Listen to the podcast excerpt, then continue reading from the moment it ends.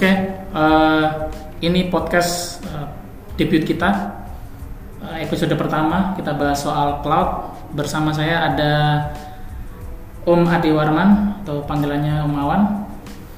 Eh, ada Gandhi, seorang senior DevOps di sebuah perusahaan ternama. Ada Mas Budi, network admin yang menyamar sebagai ops. Dipandu oleh saya sendiri, Robi, manusia biasa, asing. Oke, kita awali nih. Eh, mungkin terserah dari mana dulu, Eh, Om Awan dulu. Pengalaman eh, soal cloud provider, kita tahu ya, sebenarnya di infrastruktur tanpa cloud mungkin kita hanyalah seorang sysadmin dengan strata sosial yang rendah ya. Oke. Iya, enggak juga sih. Kalau, Iya. kalau menurut saya, saya pengalaman saya menggunakan cloud, cloud yang udah saya gunakan itu AWS, GCP, DigitalOcean, terus ada Indonesian Cloud dulu, terus ada beberapa cloud kayak uh, CBN Cloud, Indonet Cloud, ada beberapa cloud yang lain yang saya coba sendiri, ada beberapa yang memang cloudnya yang dipakai sama perusahaan. Eh, pengalaman saya menurut sebuah pengalaman saya ya, se- menurut saya sebuah cloud yang bagus itu harus punya harus punya banyak API yang bisa mendukung eh, sebuah service. Karena ketika kamu pindah ke cloud, kamu harapannya semua servicenya adalah managed service. Artinya memang cloud itu dipakai untuk bisa mengoptimisasi cara kerja di perusahaan. Kalau menurut saya. Mungkin Bapak Gandhi punya pengalaman on premise sebelumnya. Apa suka dukanya on premise dan apa yang tiba-tiba Ada satu yang saya suka dengan premis apa itu? harus di restart. Wah. Sepertinya Anda punya background programmer Java ya.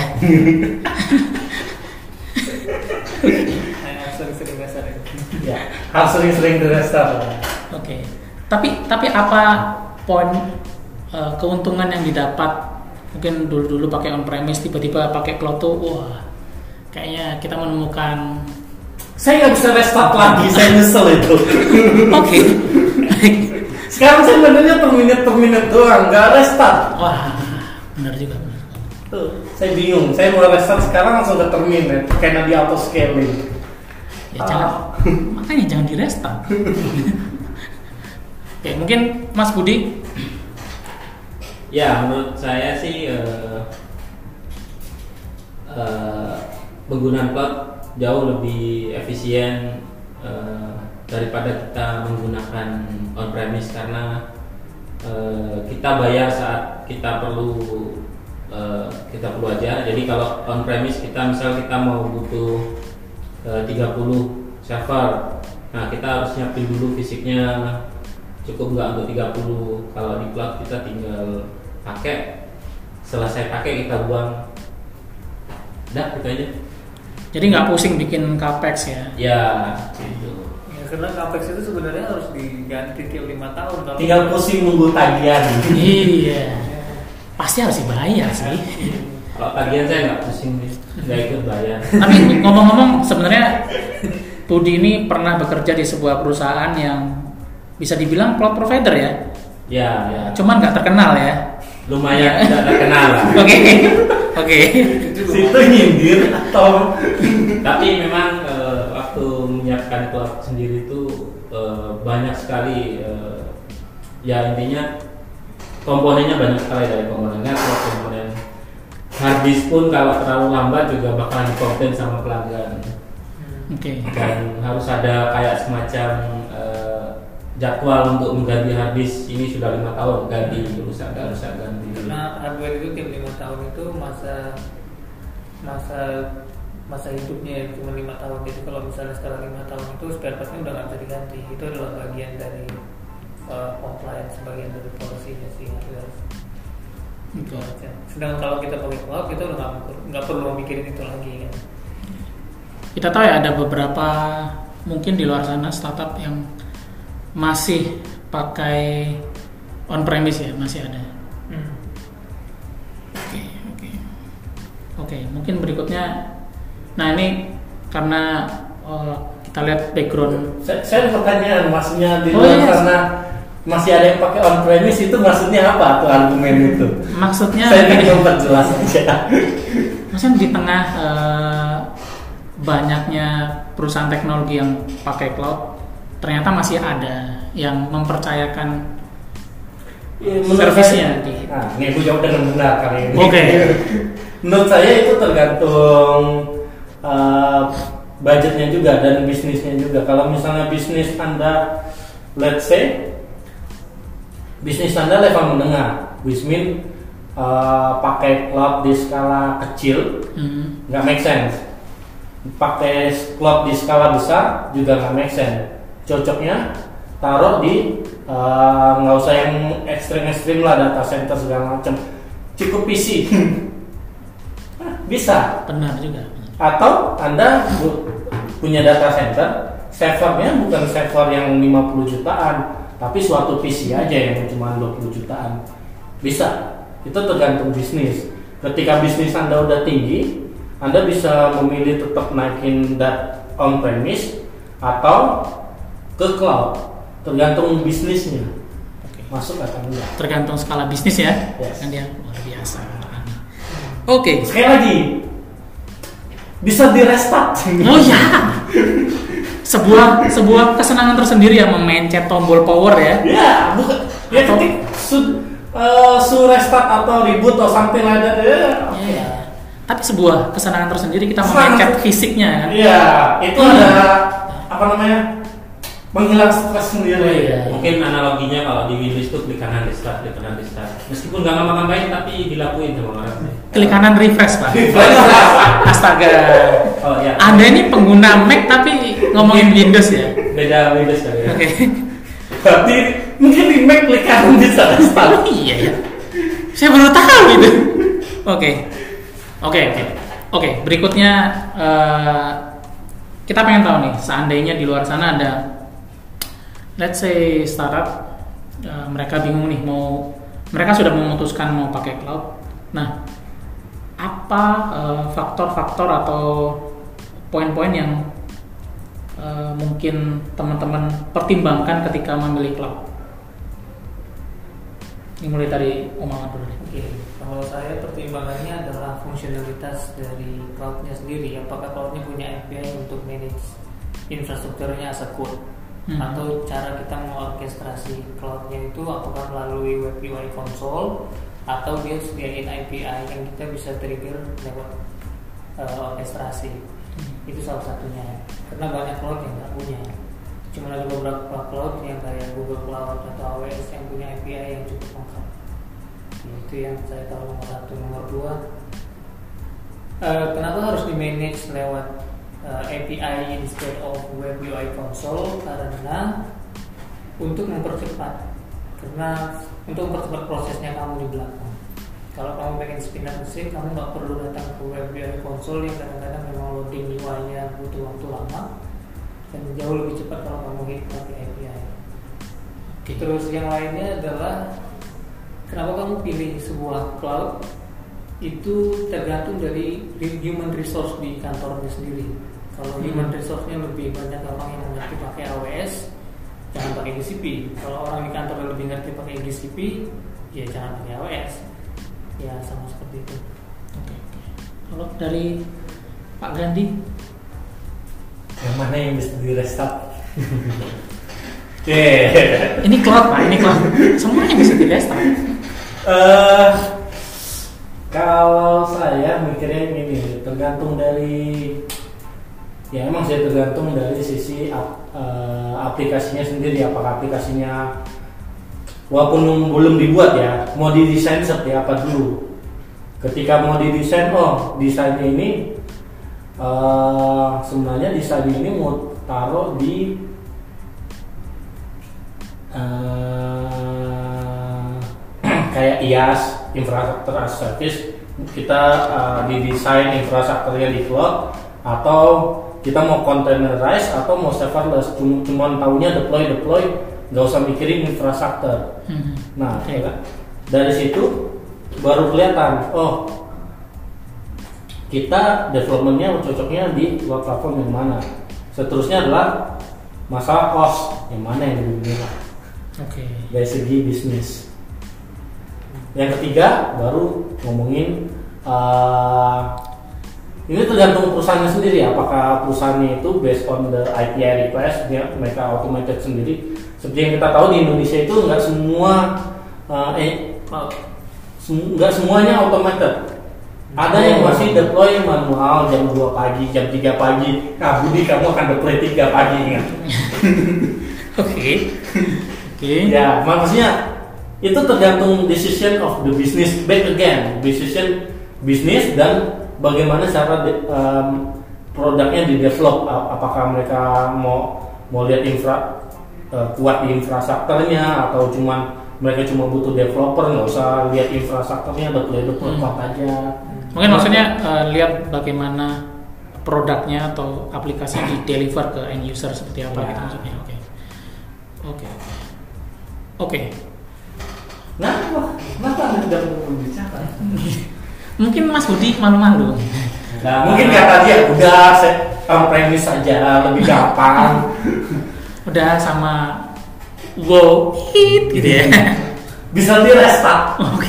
Iya, sama scalability kalau ada beberapa case di mana kita pernah pakai cloud lokal ternyata scalable-nya nggak nggak sebesar nggak seekspektasinya kita nggak sebesar ekspektasinya kita jadi dia untuk scaling up-nya susah gitu harus Oke. nunggu waktu. Kalau cloud lokal kita akan bicarakan habis ini. Oke. Nah, ya eh, selain nama-nama cloud yang besar seperti AWS atau GCP, Mhm. let's say eh, Linux atau DigitalOcean Hmm. termasuk nggak dalam pertimbangan nggak kalau Kalau secara kalau saya secara pribadi digital di- DigitalOcean adalah salah satu cloud yang saya pertimbangkan karena dia udah mulai punya API untuk load balancer, dia udah punya hampir semuanya bisa hampir semua resource-nya sudah problematic. Artinya kalau saya butuh resource, saya bisa kontak atau saya bisa spin up resource-nya tanpa harus lewat konsolnya. oke Kalau saya eh, Linux salah satu opsi juga. Dia juga sudah support API. Eh, emang layanannya nggak sebanyak eh, Google ya. Cuma kalau misal untuk startup yang baru jalan, DigitalOcean sama lainnya eh, pilihan yang optimal sih. menurut saya. Alibaba Cloud. Alibaba Cloud saya sendiri belum pernah nyoba sih. Iya. Itu belum. Alion. Saya dengar-dengar ada e-commerce yang hijau ya, yang mungkin pakai ya. Sebut saja Tokopedia gitu. Ih, Mirip. saya cinta Tokopedia. Kalau nggak ada Bukalapak, oke. Oke, kita bukan apa daun. sudah. Down itu hal yang wajar sih. Hmm, on premise karena di restart. Oh iya. Oke. Lupa saya, maaf. Bukan apa bagus bisa di restart. Ya. Oke. Oke. Kita masuk ke hal berikutnya cloud provider lokal. Hmm. Ya. Mungkin dari kita ada yang pernah pakai cloud provider lokal jadi eh, yang paling terkenal apa ya? Bisnet ya. Bisnet punya. Bisnet Gio ya. Iya, Bisnet Gio. Oh, di mana temannya Pak Budi ada yang di sana ya banyak ya? Banyak yang di sana. Bisa minta akun gratisan nggak ya? Atau gratisan bisa. Oke, oke, oke. Oke, kita mulai dari Budi dulu deh. Tahu email saya kan? kita mulai dari Budi dulu nih. Sepertinya Mas Budi sangat gaul di komunitas oh ya. Emang ada komunitasnya ya? Cloud Provider Indonesia ya. Kalau di cloud provider Indonesia yang pernah saya coba ya produk dari kantor saya dulu sama eh, Bisnetio dan Bis, Neo Bisnet ya. Bisnet Neo apa satunya yang baru itu. Kalau menurut saya yang eh, oh sama satu lagi cloud kilat. Saya nggak tahu apa itu disebut cloud juga. Cuma eh, dari namanya cloud sih. Ya, itu setengahnya hosting ya. Hosting ya.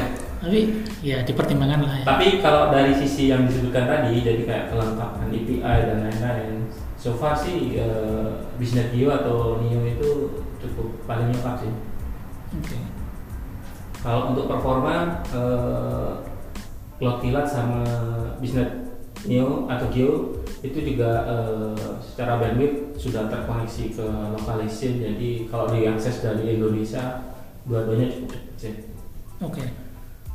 CBN ada yang pernah pakai CBN? Pakai CBN? belum pernah dengar ya Pak. Oke. pernah kita pakai pernah so KMK pernah pakai CBN Oke. ya untuk live streaming untuk demo account dikasih beberapa service instances kita kendalanya waktu itu di dua hal pertama adalah bandwidthnya nggak scale scaling up di atas 100 Mbps atau di atas 1 giga itu udah flat yang kedua adalah mesinnya sama masalahnya ketika kita butuh mesin untuk scaling up Mhm. dia resource-nya nunggu untuk scaling up Oh, oke. iya jadi kendala kita cuma di aja CBN. mungkin sekarang udah baik Mungkin, oke. Oke, mungkin Pak Gandhi ada pengalaman cloud lokal? Eh, kebetulan paling minimum yang terkat mungkin dulu belum cloud digital ocean jadi itu ya Tapi cloud lokal nggak ada cloud yang Indonesia? Indonesia untuk personal nggak ada Oke. untuk kerjaan ya saya pernah nyobain Indonesia Cloud Indonesian Cloud ya? Indonesia Cloud Bagaimana kualitasnya? Maksudnya pengalamannya apa yang bisa di? Eh, saya nggak bisa berkata banyak karena saya setengah jalan waktu itu. Eh, saya sering waktu saya POC waktu itu POC itu dibantu sama si PO-nya setelah si tiba-tiba si PO-nya resign atau dipecat habis itu saya Wah. bubar buat Oke. project seolah saya nggak tahu. Oke, baik. Omongan? Yang jelas bukan gara-gara saya. ya. Oke, pasti lah. Bagaimana bisa customer memecat CTO ya? Susah ya. Oke. ya ya ya kita pernah pakai Mungkin mereka nggak bisa memprotes saya untuk merestart dendam mereka. Restart lagi ya. Oke. ya Indonesian Cloud paling paling dekat ya eh, bermasalah sama aja sih. Sama ya masalahnya seperti CBN ya. Autoscale. Oke. Berarti ini masukan untuk para provider lokal perbaiki autoscale kalian. Oke. Oke, sekarang oke. Baiklah, kita sampai ke hal terakhir yang pengen saya tanyakan. Plus minus nih, plus minus. Eh, Mungkin dari Omawan dulu plus minusnya dari masing-masing cloud yang pernah dicoba yang terlintas di kepala. plus minusnya ini public cloud atau yang lokal atau yang Yang internasional nih? internasional aja deh. Kalau yang lokal kan tadi udah ya. ya, Sebenarnya banyak minusnya ya. tapi ada plusnya juga Ada plusnya juga. ada harganya lebih murah terus kalau kamu supportnya bahasa Indonesia kan jadi ngobrol bahasa Dan bisa dibayar tiga bulan kemudian. bisa dibayar telat ya kan Benar benar. Oke. Eh, plus minusnya penggunaan cloud ada saya ngomong dari AWS dulu ya? Ya AWS.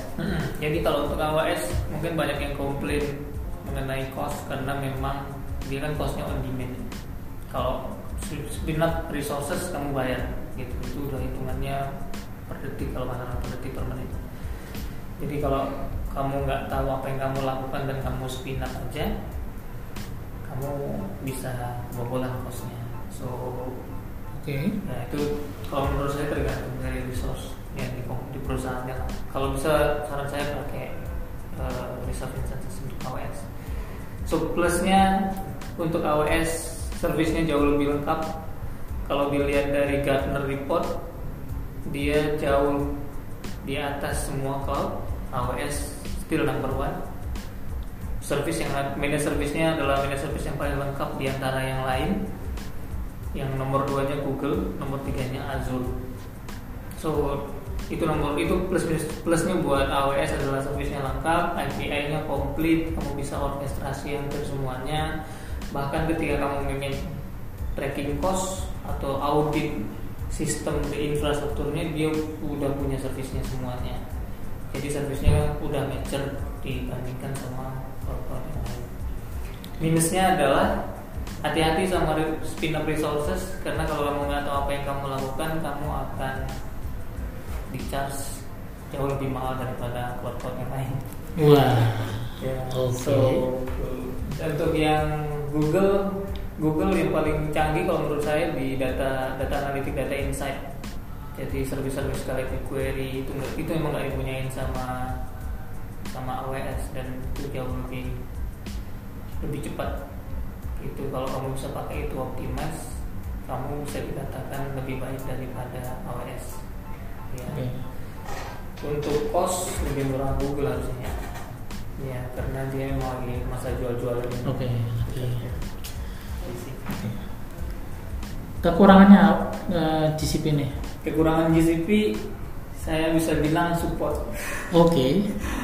Kekurangan GCP nomor satu support ya karena ketika kamu tanya ke supportnya AWS dia masih ngerti konsepnya dia masih ngerti apa sih yang sebenarnya ditanyakan sama customer. Dan sepertinya Google eh sorry AWS support ini punya akses ke mesin dan dia bisa lihat underlying infrastrukturnya di monitoring backendnya mereka. Untuk Google support sometimes ketika kamu tanya mereka pingpong saya tanya dulu ya ke belakang gitu terus nanti dia balik lagi yang belakang juga tanya dulu ke belakang yang lain gitu. Soalnya mereka tuh sebenarnya nggak cuma proxy pass doang gitu. nggak bisa akses apa apa dan nggak bisa lihat metrik instance-nya kamu. Itu sih. Budi mungkin? Eh, plus minusnya GCP atau AWS atau cloud lain? Mungkin oh iya kita melupakan eh, cloudnya Red Hat ya atau Hmm. Softlayer. oh, ya? Softlayer. Softlayer. Oke. Oh sekarang Red Hat Sorry, kembali. apa itu? Red Hat yang dibeli. Iya Red Hat yang dibeli sama IBM kan? Untuk plus minus eh, karena cuma pernah nyoba yang eh, DigitalOcean sama GCP, ya saya juga baru tahu kalau eh, supportnya di AWS juga lebih canggih daripada di Google.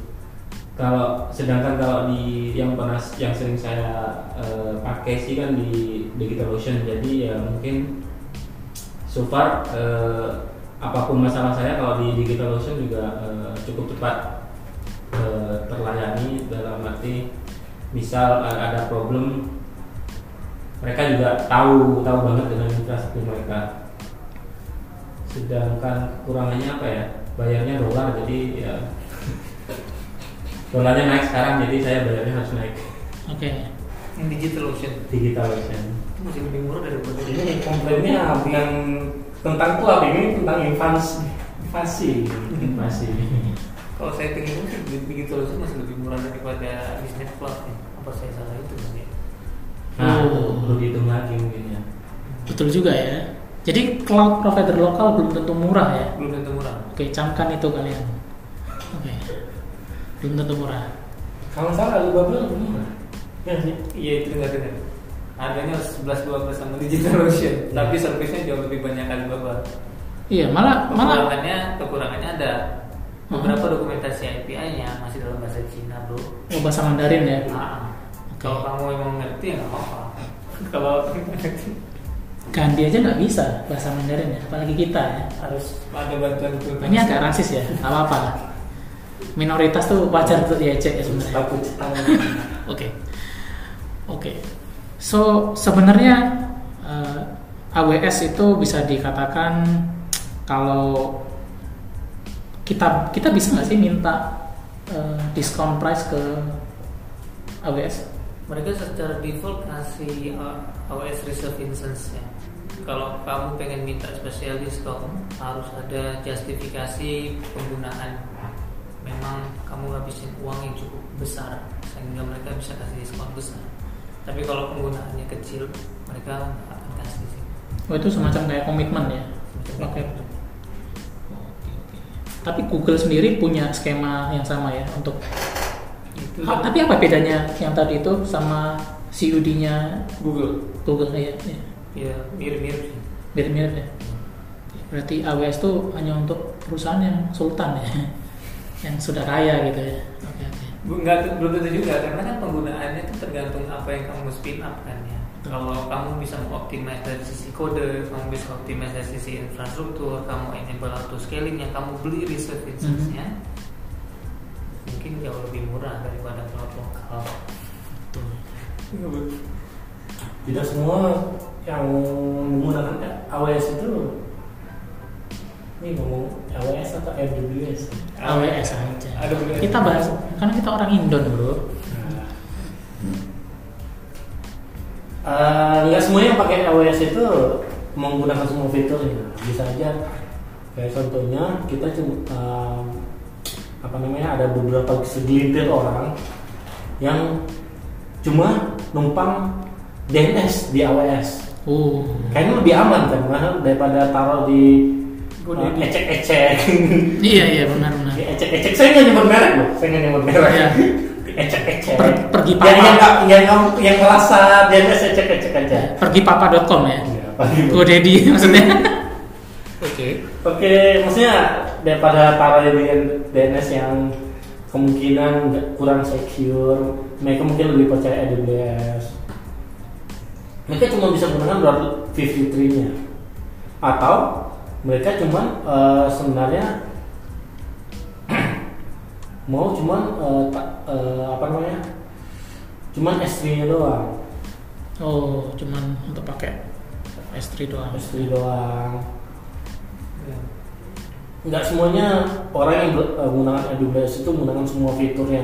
Wismin mereka udah eh, kalangan enterprise semuanya yang udah siap menggelontorkan duit sekitar 50 ribu USD or itu yang biru-biru yang pesawat-pesawat itu berapa? Saya lupa. Iya. Tapi tapi dengar-dengar eh, perusahaan ya perusahaan travel ya sebenarnya ya. Travel oke itu menggunakan tapi tetap untuk data analitik mereka menggunakan GCP ya kalau nggak salah Ya. dengar-dengar sih dengar-dengar Untuk BCP-nya emang lebih ya emang lebih bagus di analitik ya. Mereka eh, produk yang paling bagus mereka adalah BigQuery. Tapi hati-hati baca dulu itu eh, pricing yang BigQuery itu seperti apa. Dan, dan jangan kaget. jangan terjebak oleh pricing GCP ya meskipun terlihat murah Lihat murah, tapi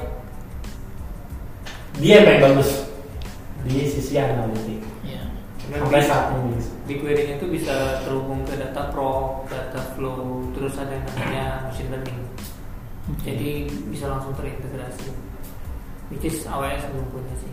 AWS punya sendiri, dia punya eh, apa namanya? Dia punya machine learning sendiri, dia punya analitik sendiri, cuma nggak secanggih punya Oke. Sekian dulu episode kali ini. Eh, berhubung sudah jamnya maghrib, meskipun kita seorang ops yang sedikit nakal, tapi kita beriman juga. Oke. Terima kasih. Thank you guys. Sampai jumpa. Sayonara.